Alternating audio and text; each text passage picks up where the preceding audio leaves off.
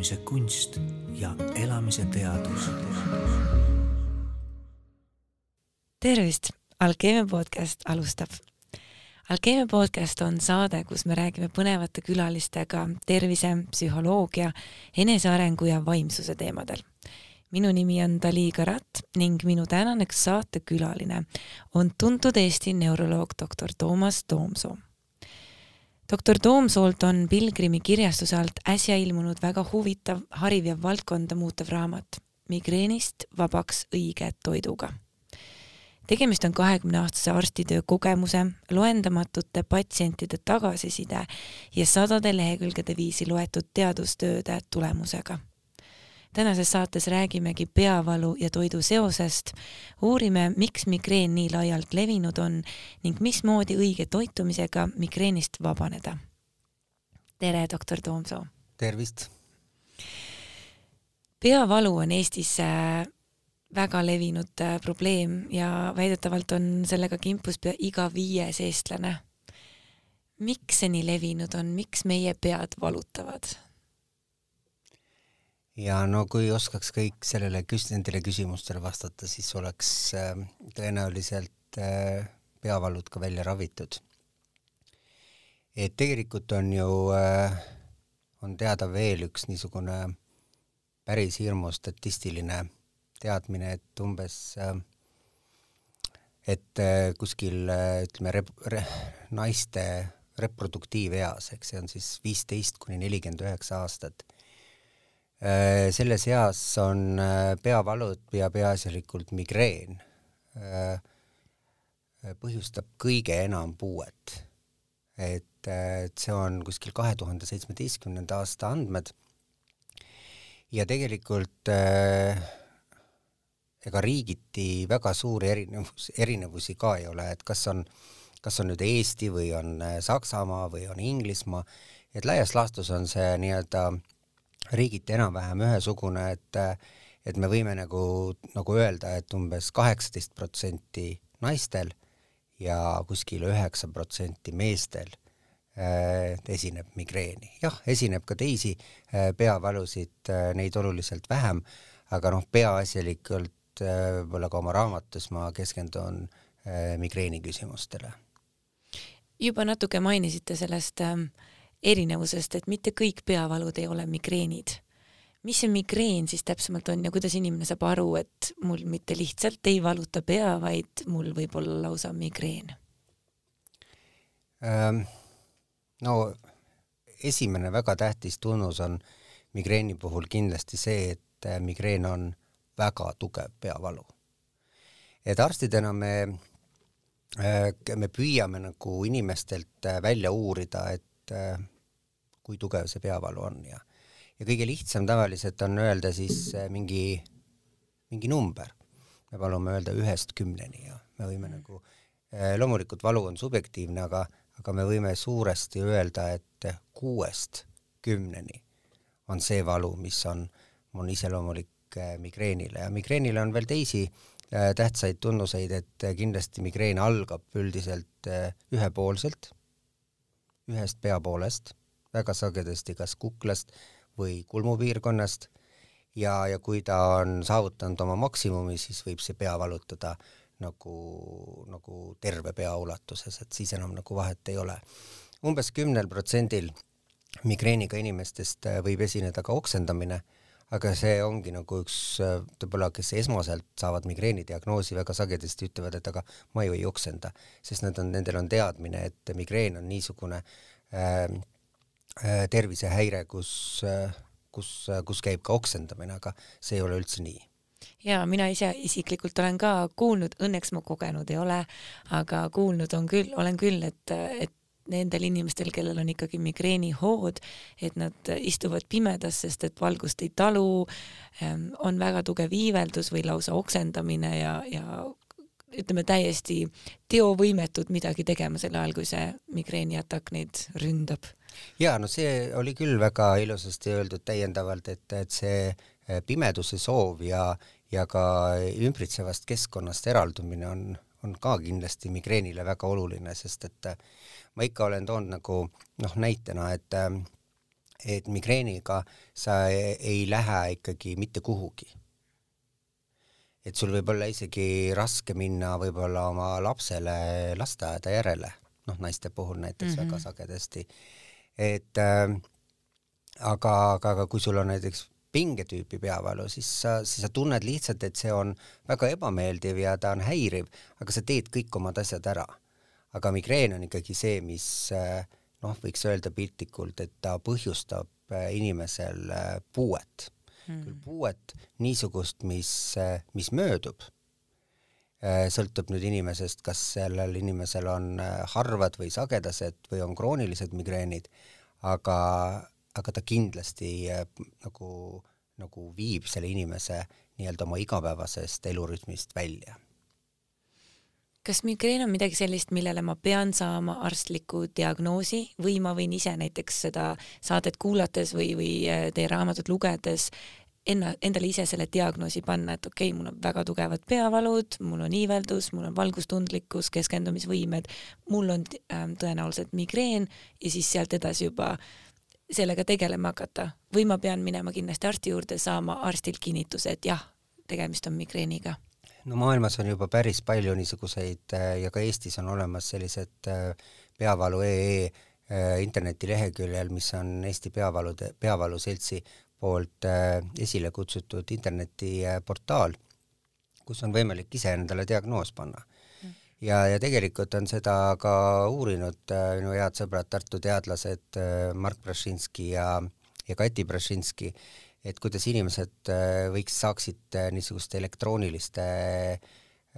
vahendite abil nagu noh, paremini määratleda, sest et noh, peavalu, üldse valu küsimus on ju tegelikult väga tugevasti subjektiivne mm. -hmm. ja ma olen ka oma patsientidele öelnud, et nii, kuidas teie mulle seda valu kirjeldate, nii ka mina mõtlen et seda oma äh, noh, tunnetust, oma seda peavalu, äh, peavalust arusaamist on nagu, äh,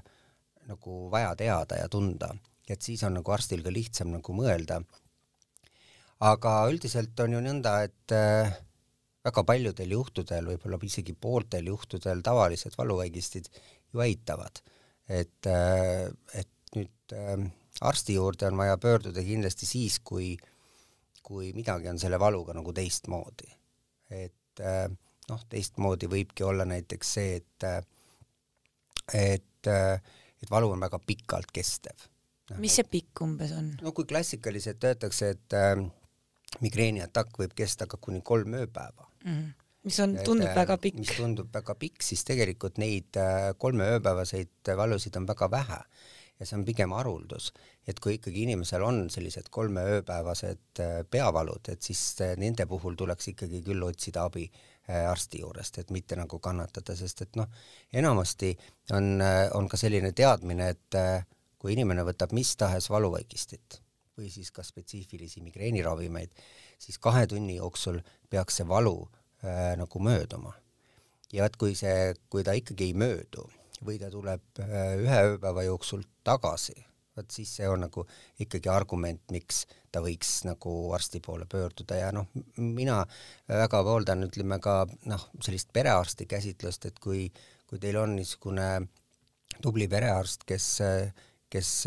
kes on huviline migreeni vallas ja tahab siis kindlasti usaldada seda perearsti, et see ei pea alati olema nagu neuroloog. Eestis on täna juba olemas ka praktiliselt kõikides äh, suurtes haiglates ka niisugused peavaluspetsialistid, need on siis inimesed, kes, äh, kes on võib-olla süvendatult äh, noh, peavaludega tegelevad. Ja, ja tahaks siin kindlasti rõhutada ka, ka niisuguste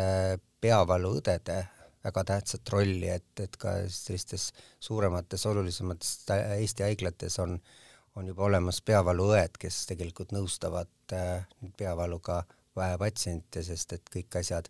ei ole võib-olla need, mida nüüd äh, arstid on alati nii pädevad äh, rääkima. Ja ma arvan, et see üks see, see minu raamat oli ka suuresti ajendatud sellest, et ega noh, toitumise küsimused on nagu äh,, kuidas öeldakse, sellised nagu, nagu, nagu kerge äh,, nagu kerge temaatika et, et sa, see võib-olla ei, ei näita äh, sind äh, arstina nagu heast valgusest, et, et nüüd äh, sa tegeled mingi toitumisteemaga. kahjuks on Eestis olemas terve rida toitumisterapeute, kes võib-olla oskavad inimesi nõustada, ma ei tea, kehakaalu langetamise osas, aga pole väga, väga häid teadmisi peavalude osas ja ütleme, see minu raamat suuresti äh, on ajendatudki sellest, et äh, mida ma tõesti olen siis palju ise lugenud, mida ma olen oma patsientide puhul näinud, mis töötab ja mis ei tööta, ja, ja kindlasti on selles raamatus ka palju selliseid asju, mis äh, olid minule väga äh, nagu uudsed ja ootamatud, mida ma selle raamatu kirjutamisel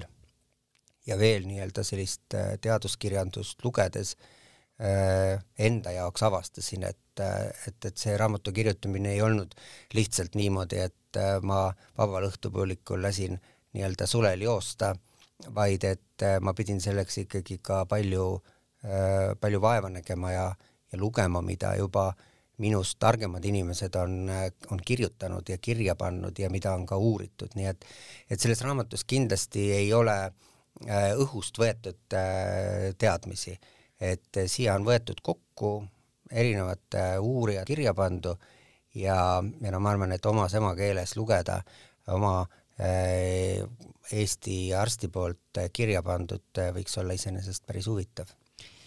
ja, ja raamat on veel sedavõrd ähm, nagu sujuvalt kirja pandud või nagu nii-öelda inimkeeles, ma võiksin isegi öelda, et, et seda, et seda lugedes on aru saada, millest jutt päriselt on, et äh, tihtipeale see arstide keel võib olla tavainimesele natukene kaugeks jääv või natuke mõistetamatu, kui seal on väga palju ähm, väljendeid või, või äh, vihjeid mingisugustele teemadele, mida võib-olla tavainimene enda elus ei kasuta neid sõnu või asju, et igal juhul väga-väga sujuvalt kirjutatud raamat ja väga-väga nagu hea lugeda. aga enne kui me ähm, sukeldume sellesse raamatusse ja, ja sellesse toidu ja migreeni seosesse, siis ma teid kuulates äh, tekkis ikkagi uuesti see küsimus, et, et miks meil seda peavalu nii palju on? et kui meil on lausa eraldi peavalule spetsialiseerunud arstid ja õed, siis, siis tundub, et tegemist on millegagi, mis on niisugune kasvav tendents no ütleme nii, et eks seda peavalu on muidugi äh, äh, kogu aeg olnud. Ja peavalu noh, on ütleme võib-olla olnud äh, teema, kus no mis on, ütleme võib-olla teatud mõttes levinud naiste seas ja on tabu meeste seas, et on tehtud ka ju sellist, selliseid uuringuid, kus on leitud, et mees läheb ennem seljavaluga arsti juurde, aga mitte peavaluga, et, et see peavalu Äh, tundmine on nagu, äh, on nagu justkui ei ole nagu väga mehelik tegevus. Õnneks on äh, aeg muutunud ja et väga palju juba tulevad mehed ka ise äh, arsti vastuvõtule äh, ja et, et, et ma ei saakski öelda, et, et peavalu oleks meeste seas ka sagenenud, vaid pigem, et, et ta on kogu aeg olnud. aga, aga peavalu on tõesti üks äh, väga levinud äh, kaebus ja migreen sealhulgas, et, äh, et miks ta on nagu ähm, noh, vaatame kas või enda ümber.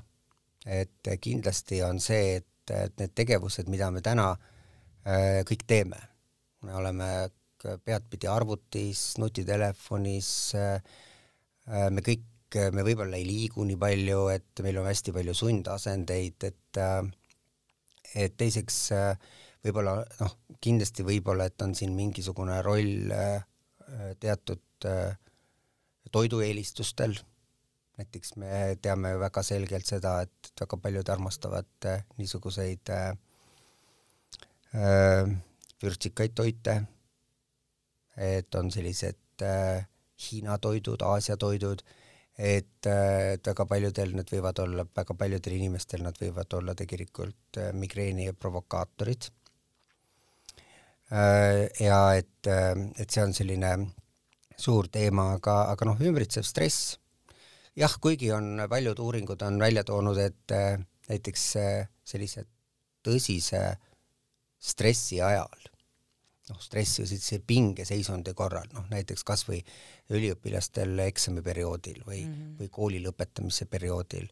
või töönädala ajal näiteks on peavalusid vähem ja, ja need peavalud tulevad äh,, migreenid sealjuures tulevad nädala lõppudel või siis selle stressi või pingelanguse juures, et noh, minu patsientide seas ka, et noh, et ma ootan seda puhkust. ja nüüd on need, nüüd on see viimane äh, tööpäev ja homme on ärasõit mm. -hmm. ja siis on minu puhkuse esimesel päeval -hmm. tõsine migreen, nii et see pingelangus äh, võib olla nagu väga tugev sellist migreeni, näiteks migreeni vallandaja ja, ja seda on nagu seostatud eelkõige stresshormoonidega, et stresshormoonidel on suur äh, valuvaigistav toime. ja et kui sa oled nagu hästi pinges, siis sul nagu seda valu on vähem, siis kui sul tekib selline pingelangus, siis seda valu on nagu oluliselt rohkem mm. -hmm ja kõlab hästi loogiliselt ja tegelikult, tegelikult kõlab hästi kurvalt, et meie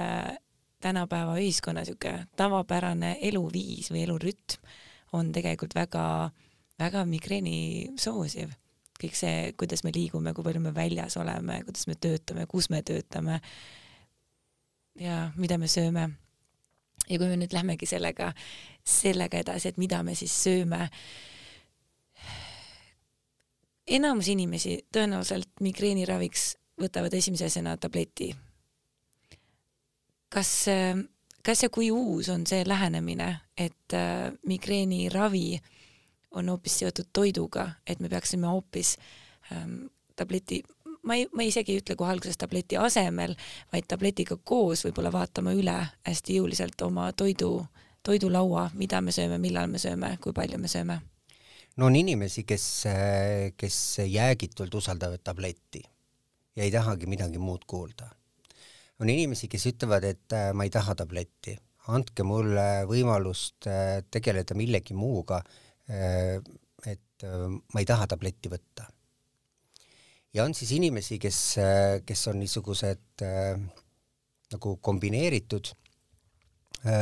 abisaajad, et need esitavad sagedasti küsimuse, et doktor, et mida ma saaksin iseenda jaoks teha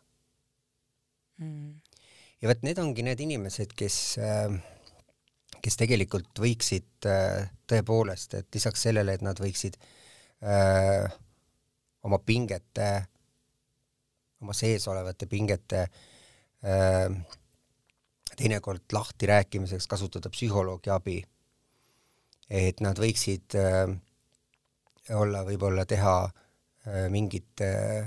trenni näiteks väga hästi sobivad sellised igasugused venitusharjutused, noh, pilates on näiteks üks väga, väga levinud, eh, noh, osad pakuvad välja ka, et näiteks jooga, aga nagu tavaline lihtne, lihtne hommikuvõimlemine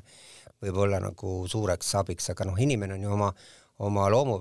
loomu poolest ju laisk. Ja, ja tal on tegelikult, eh, ta tahaks kõike nagu kergelt saada. aga noh, alati ei tule see välja ja siis on olemas ka tõepoolest äh, terve rida inimesi, kes, äh, keda on võimalik äh, toiduga abistada. nüüd see toiduga abistamine on see lugu, et inimene peab iseennast väga hästi tundma, esiteks ta peab teadma, mida ta põhiliselt sööb. enamasti inimesed ütlevad, et noh, ma söön kõike, tavalist, mitte midagi erilist. aga selles tavalises võib peituda tegelikult kogu loo võti sest selle inimese jaoks tavaline võib olla see, mis äh, on võib-olla peavalude provokaator. ja, ja inimesel on väga raske ise nagu aru saada, sest et ega noh, me õpetame küll kasutama äh, peavalupäevikut ja peavalu ja ka toidupäevikut, et näiteks, et vaadata, et nendel päevadel, kus teil pea, kunas teil pea valutas, mida te eelmisel päeval sõite. väga sagedasti on see, mida ta, mida sa eelmisel päeval sõid ja noh, ütleme teadjamad ütlevad, kes on rohkem toidu ja migreeni vahelisi seoseid uurinud, ütlevad, et, et ega see on väga suuresti toiduallergia, mis ei ole äh, mingite allergiatestidega nagu sedastatav. võib-olla aller-, allergoloogid äh, hakkavad siin vastu ja ütlevad, et, et, et siis pole olemas allergiat, kui, kui allergiatestid seda ei näita, aga, aga tegelikult äh, ma ütleks, et äh, minu praksises vähemasti üle poolte juhtudest, kui äh, ma olen suutnud veenda inimest täitma äh, peavalupäevikut koos toidupäevikuga, me oleme saanud äh, väga häid tulemusi. ja, ja see võib-olla oligi üks selline suurem ajend, et, et proovida, et anda võimalust ja vot selles raamatus on nüüd välja toodud tegelikult toiduainete grupid, mida sa võid endale lubada ja mida sa peaksid piirama. ja see piiramine ei tähenda seda, et, et sa piirad seda terve ülejäänud elu, vaid sa piirad kuus kuni kaheksa nädalat ehk siis poolteist kuni kaks kuud, kus sa neid toiduaineid, mis sul peavalupäeviku alusel nagu tulevad ja toidupäeviku alusel tulevad nagu välja, suudad neid nagu äh, elimineerida. ja, ja loomulikult, et äh, me ei tahtnud, et see äh,, et see raamat oleks äh, kokaraamat. vaid et aga, aga seal oleksid nendele inimestele, kes, kes tahavad seda raamatut kasutada oma elu paremaks muutmisel peavalude mõttes. et, et seal võiksid olla siis tehtud ka teatud retseptid ja siin tuli mulle appi minu hea sõber Kristel, kes, kes tegelikult on äh, paljud teavad teda nii-öelda Tigu Kristelina, kes on äh, Tallinnas inimesed, et teavad väga kuulsat äh, Tigu restorani. Kristel elab nüüd Portugalis ja äh, ja, ja ma palusin Kristit, et kas ta oleks huvitatud, et, et, et ta mõtleks minu ette antud siis toiduainete rühmade peale ja mõtleks, kuidas ta teeks siis need retseptid ja, ja tegelikult äh, need äh,, ega see kerge ülesanne ei olnud. sest et äh, Kristel püüdis teha ka nagu toidud retsept, toitude retseptid sellised, et nad oleksid ka noh tervist, terviklikus mõttes tervislikud. noh, võtame need nii-öelda sellised Vahemere stiilis toidud mm. -hmm. Aga kui me hakkasime vaatama neid, äh, neid Vahemere stiilis toite ja hakkasime vaatama, mida võib ja mida ei või, siis meile tulid paljud ootamatused. ja minu enda jaoks üks kõige suurem selline ootamatus oli näiteks tomat mis on Eestis väga ju armastatud äh, köögivili. mis on väga levinud mm. -hmm. et äh, tomat oli nagu see, et, äh, et ma teadsin ette, et ja olen oma patsientidele öelnud, et, et avokaado võib olla väga tugev provokaator. ja, ja paljudel puhtudel me olemegi selle nagu äh,, nagu üles leidnud, et kui on toidupäevikut ja peavalupäevikut koos täidetud siis, äh, siis peavalu käsitluses äh, tomat oli mulle täiesti tegelikult uudne ja ma võrdlesin erinevaid allikaid äh, ja, ja panin nii-öelda raamatusse kokku ikkagi enam-vähem need toiduainete grupid, mis ja toiduained, mis, mis on mitmete allikate puhul ühiselt nagu leitud, et nad võiksid olla provokaatoriteks, siis, siis tomat oli seal nagu raudselt sees, et et, et noh, ütleme köögiviljadest veel, mis võib-olla mulle täiesti ootamatu, et ka meil ju palju levinud näiteks kartul läätsed, igal pool, eks ju, hästi tervislik, eks ju, et, et kui me võtame näiteks taimetoidu, siis läätsed on seal väga äh, väga, oh, äh, väga tähtsal yeah, kohal, eks ju yeah. aga ta võib olla sellele inimesele ja ütleme, et see raamat annab tegelikult inimesele teatud mõttes äh, ka tagasiulatuvalt nagu äh, sellise teadmise, et vot, et ma sõingi eile midagi nendest ja mul täna nagu oli, et ta saab sellest raamatust äh, nagu vaadata. et ta võib-olla alati ei peagi seda äh, toidupäevikut hakkama pidama, aga ta saab vaadata, et vot mul täna nüüd oli õudne migreenijoog, et noh, mida ma siis eile sõin, eks ju, et ma sõin vaat seda. ma järgmine kord proovin, et ma jätan need asjad nagu välja. ja vot need Kristeli retseptid, mis on raamatu neljandas osas, on minu arust ideaalsed et me kõik nagu oleme kuulnud seda, et, et noh, et me ei taha süüa nagu talvel no võib-olla neid toite, mis, mida me, mida me armastame näiteks suvel süüa või, või, või, või, või, või sügisetoite näiteks kevadel, siis Kristel tuligi nagu sellise hea mõtte peale, et, et ta jagas kõik toidud need retseptid, toitude retseptid nagu äh, nelja aasta aega. et on siis kevadetoidud, on siis suvetoidud, on sügisetoidud ja on äh, talvetoidud. ja, ja minu arust on see ka nagu väga äh,, väga põnev lugemine, sest et äh,, et kasvõi kuidas näiteks sedasama tomatit või tomatipastat näiteks äh, asendada millegi muuga, sest et on lubatud äh, kasutada äh, ja pole nagu kuskil üheski allikas olnud äh, nagu keeldu näiteks paprikale. et, et kuidas teha siis nii-öelda sellist paprikast äh, sarnane tomatipasta mm., mis on nagu oma maitselt ja, ja niisuguselt olekult, et kui panna näiteks kuskile mõne pasta peale näiteks või kus näiteks on retseptis on tomatipasta sees, et sa selle asendad nii-öelda nagu teise asjaga, vot siis see on, on minu arust väga põnev lugemine. ja üleüldse minu meelest on see väga põnev lähenemine, et, et niimoodi toitu ähm, asendades või, või toitu jälgides, et me saame väga selgeid seoseid tuua selle vahel, et mõni toiduaine on täiesti migreenihoo vallandaja. väga huvitav ja just see, et, et nendes toitude nimekirjas, mis võivad olla vallandajad, võivad olla nii palju üleüldiselt tuntud äh, justkui tervislikke toite. absoluutselt mm, -hmm. absoluutselt, see oli kindlasti selle raamatu kirjutamise minul ka nagu üks selline noh, ütleme selline väga huvitav avastuskoht, et äh, et ja õppisin ise selle raamatu kirjutamisel nagu, nagu väga palju. üks huvitav asi, mida ma mida, mida mina seda raamatut lugedes enda jaoks avastasin, oli äh, paastude seos migreenihoogudega. et ka sellised religioossed paastud või, või ööpäeva, ööpäevased paastud võivad äh, olla migreenihoo vallandajad ja et äh, noh, seda on üldiselt teada, et, et migreen ei salli nagu tühja kõhtu mm.. et niisugune nälgimine on nagu väga tugev provokaator, et et, et isegi noh, ütleme näiteks mm, me teame näiteks, et raseduse ajal migreenid noh, sagedasti vähenevad või hoopistükkis nagu kaovad.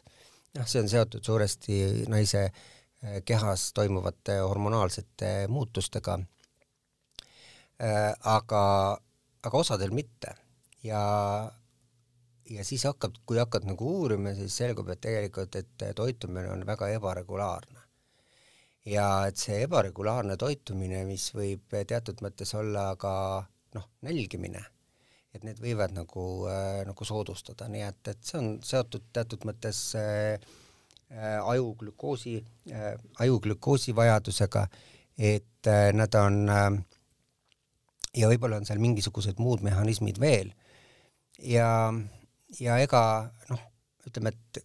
kõik, kui, kui sa mõtled kasvõi näiteks erinevate dieetide peale ka, mida on nagu välja pakutud, et, et mis selles raamatus on nagu lahti kirjutatud, et ketogeenne dieet ja ja igasugused muud, muud dieedid, et nende puhul ei ole väga üheselt leitud, et nad oleksid nende migreenide ennetamiseks nagu väga efektiivsed, et et, et, et noh, seal on nagu teatud niisugused äh, nagu sellised eripärad, et aga ma lihtsalt, et see raamat oleks nagu äh,, nagu terviklikum, siis äh,, siis ma tõin need nagu, nagu sisse. ja, ja noh, veel kord, et, et kui need oleksid jäänud ainult nii-öelda üksikute toiduainete gruppide peale, et inimene oleks pidanud hakkama ikkagi ise kombineerima nagu, nagu retsepte, siis see raamat võib-olla oleks ka jäänud poolikuks, et see retseptide osa minu arust äh, annab sellele raamatule nagu, nagu vürtsi juurde. ja ta lisab nagu, ta lihtsalt mitte ei selgita lahti probleemi olemust ainult, vaid ta pakub ka mingi lahenduse või, või tuleb inimesele juba poolele teele vastu. Yeah.. Üks äh, täpsustus, mis ma tahtsin veel selle paastumise koha peal uurida, on see, et ähm, kevad on, äh, on selline aeg, kus inimesed tahavad hakata paastuma ja tahavad justkui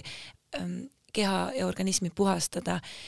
Kas need inimesed, kes on olnud või on praegu kimpus, ähm, on kimpus siis äh, migreenidega, kas nad peaksid siis pigem vältima paastumist? Või neil on võimalus see paastumine teha, kui nad äh, jälgivad, ma ei tea, joovad rohkem vett või, või jälgivad teatud asju? jah, et noh, et see vee joomine on küll ka väga nagu tähtis, et kui me muidu räägime, et noh, et inimene peaks jooma vähemasti seal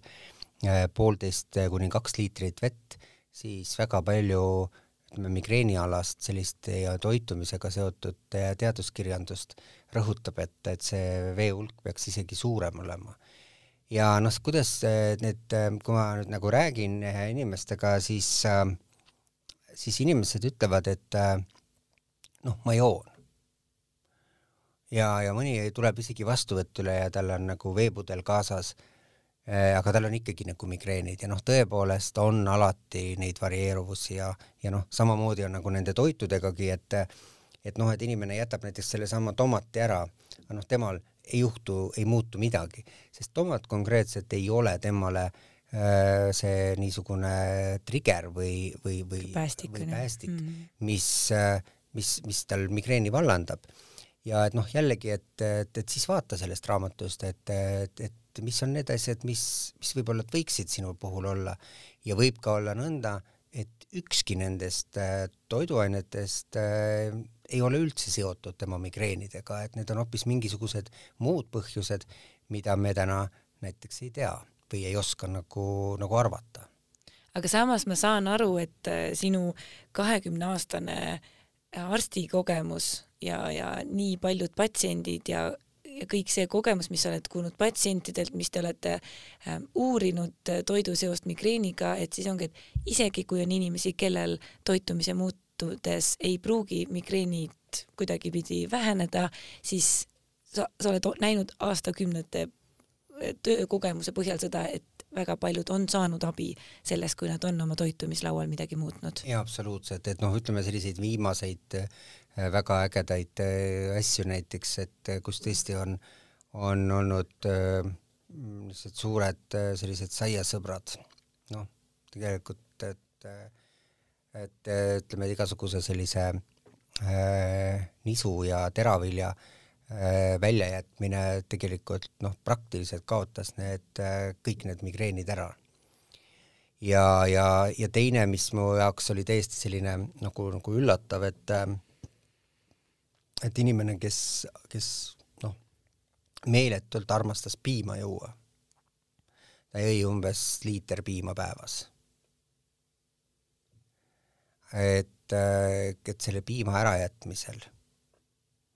peavallud kadusid. ja tõenäoliselt ma kujutan ette mitte ainult selle piima, vaid piimatooted laiemalt, jogurt, keefir. aga, aga eelkõige ta oli väga suur noh, rõõsapiimajooja mm. -hmm et ta ei kujutanud ette, et ma ütlesin, et aga noh, proovime, et see ei võta meil nagu midagi, et kui sa, kui sa sööd nagu peaaegu et äh, iga nädal võtad äh, peavalutabletti, siis äh,, siis jätame nüüd selle piima ära. vaatame, mis juhtub. esimese kolme nädalaga ei juhtunud mitte midagi. ja viiendast nädalast hakkas äh, toimuma muutus ja kaheksandaks nädalaks ja sealt edasi ei olnud enam ühtegi äh, peavalupäeva mille tulemusena äh, see inimene konkreetselt äh, sai sellest soovitusest äh, nagu väga palju abi. jah, ta joob praegu piima edasi, aga ta joob vähem, sest et ta ütleb, et ta ei, ta esiteks ta selle kuue-kaheksa nädalaga harjus ära uue režiimiga ja teiseks, et ta ei, ta ütleb, et ma ei taha enam tunda neid valusid, mida ma kogu eelneva elu olen nagu tundnud. Ehk siis väga selge seos on, on olemas ja väga paljud inimesed on abi saanud ja kui ei oleks saanud, siis poleks sellel toidu ja migreeni seosel ka nii palju teadustöid tõenäoliselt taga, mis seda väidet kinnitavad. vaat selle teadustööga muidugi see asi, et, seda väga, neid on, seda on tervikuna nagu väga raske uurida. et noh, et kuidas sa nagu jätad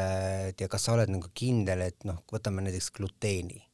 noh, seda gluteeni on nagu äh, praktiliselt igal pool noh mm., alates ikka, noh, toiduainetööstus äh, paneb teda igale poole sisse, eks ju, et alates jäätised, igasugused määrded, ketšupid,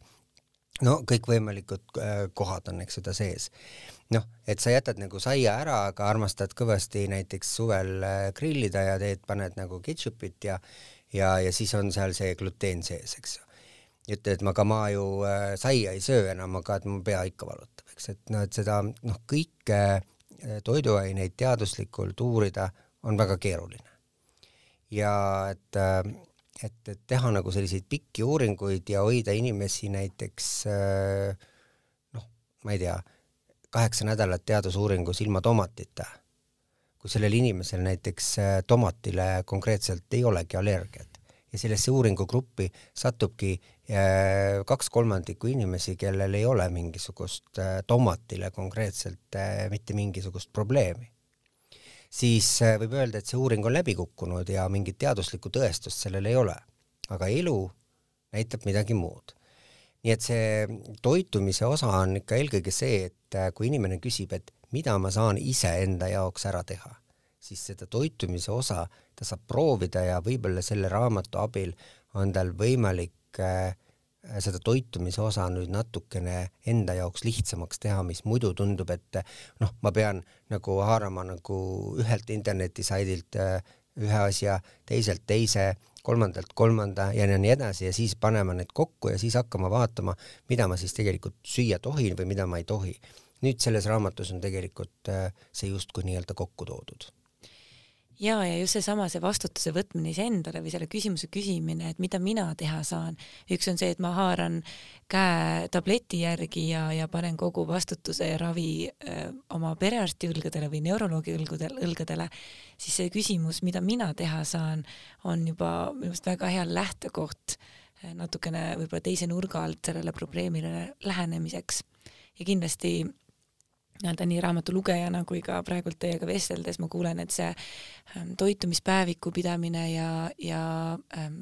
peavalupäeviku pidamine annab hästi selge ülevaate, et mida ma siis söön või millal mul siis need peavalud tulevad või kasvõi ka see, et jah, mulle võib tunduda, et ma joon vett iga päev, aga kui, kui palju ma siis tegelikult iga päev vett joon kokkuvõtteks ma tahaksingi küsida siia lõppu sinu selliseid elutarkuse terasid, et millised võiksid olla kolm kõige olulisemat nõuannet, mida sa täna alkeemia lugejatele ja, ja meie podcasti kuulajatele seoses peavaluga annad?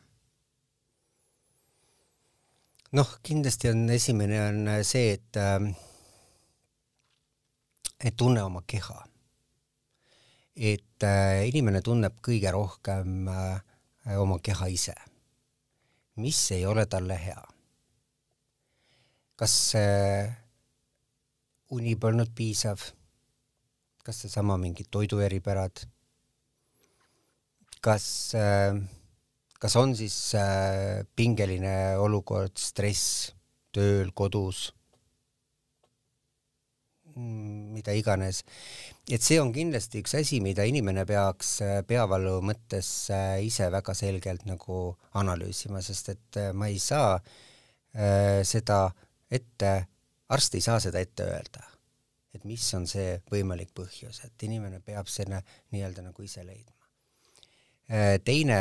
otsi ka ise väljapääsu, et mis see võiks nagu olla. et, et, et kui et kui sa näed, et, äh, et arst ei paku välja näiteks äh, füüsilist aktiivsust, siis otsi ise, et, et, et missugused oleksid need füüsilise aktiivsuse harjutused, et mida sa peaksid tegema, mis on need venitused, venitusharjutused, mida sa peaksid nagu äh,, nagu ise tegema. ja võib-olla kolmandaks, et kui sa näed, et sinu valuvaigistite hulk hakkab kasvama. ja arstlikus mõttes on siin väga äh, selged numbrid. et kui sa juba tarvitad äh, tavalisi valuvaigisteid vähemalt viisteist päeva kuus ja enam, siis on see väga tõsine ohumärk, et sa oled hakanud ravimitega äh, liialdama. ja need ravimid ise, mida sa tarvitad justkui peaaegu et nagu igal päeval või vähemalt pooltel päevadel kuus, hakkavad äh, mõjuma kahjulikult ja mitte enam kasulikult. et see on, see on viimane hetk, millal arsti poole nagu pöörduda ja abi hakata otsima, kui sa enne ei ole tahtnud arsti poole pöörduda. ja aitäh, väga-väga huvitav vestlus ja ma arvan, et et, et see innustab hästi paljusid nii meie saate kuulajaid kui ka raamatu lugejaid ise vastutust võtma selle lahenduse leidmiseks ja, ja toidulaua ja joogikoguse ja kõige sellega, selle ülevaatamiseks, et leida, leida see lahendus väljaspool tablette või, või siis toetada seda, et neid tablette peaks võimalikult harva ja vähe võtma. Aitäh, aitäh meie tänasele saatekülalisele, doktor Toomas Toomsoo. siin ähm, raamatut ähm, Migreenist vabaks õige toiduga saate siis äh, Pilgrimi kirjastuse veebilehtedelt ja ka kõikidest raamatupoodidest. aitäh kõikidele kuulajatele meie tegemisi saad jälgida Facebookis, Instagramis kui ka alkeemia.ee lehel ja kui sul on meile soov kirjutada, siis sinu e-kirjad on oodatud aadressil alkeemiapodcast at delfi.ee. aitäh sulle ja kohtume järgmisel korral. alkeemia, muutumise kunst ja elamise teadus. alkeemia taskuhääling toob teieni huvitavat ja harivat keha, hinge ja meele vallast. Kuula ja loe alkeemia.ee, leia meid ka Facebookist ja Instagramist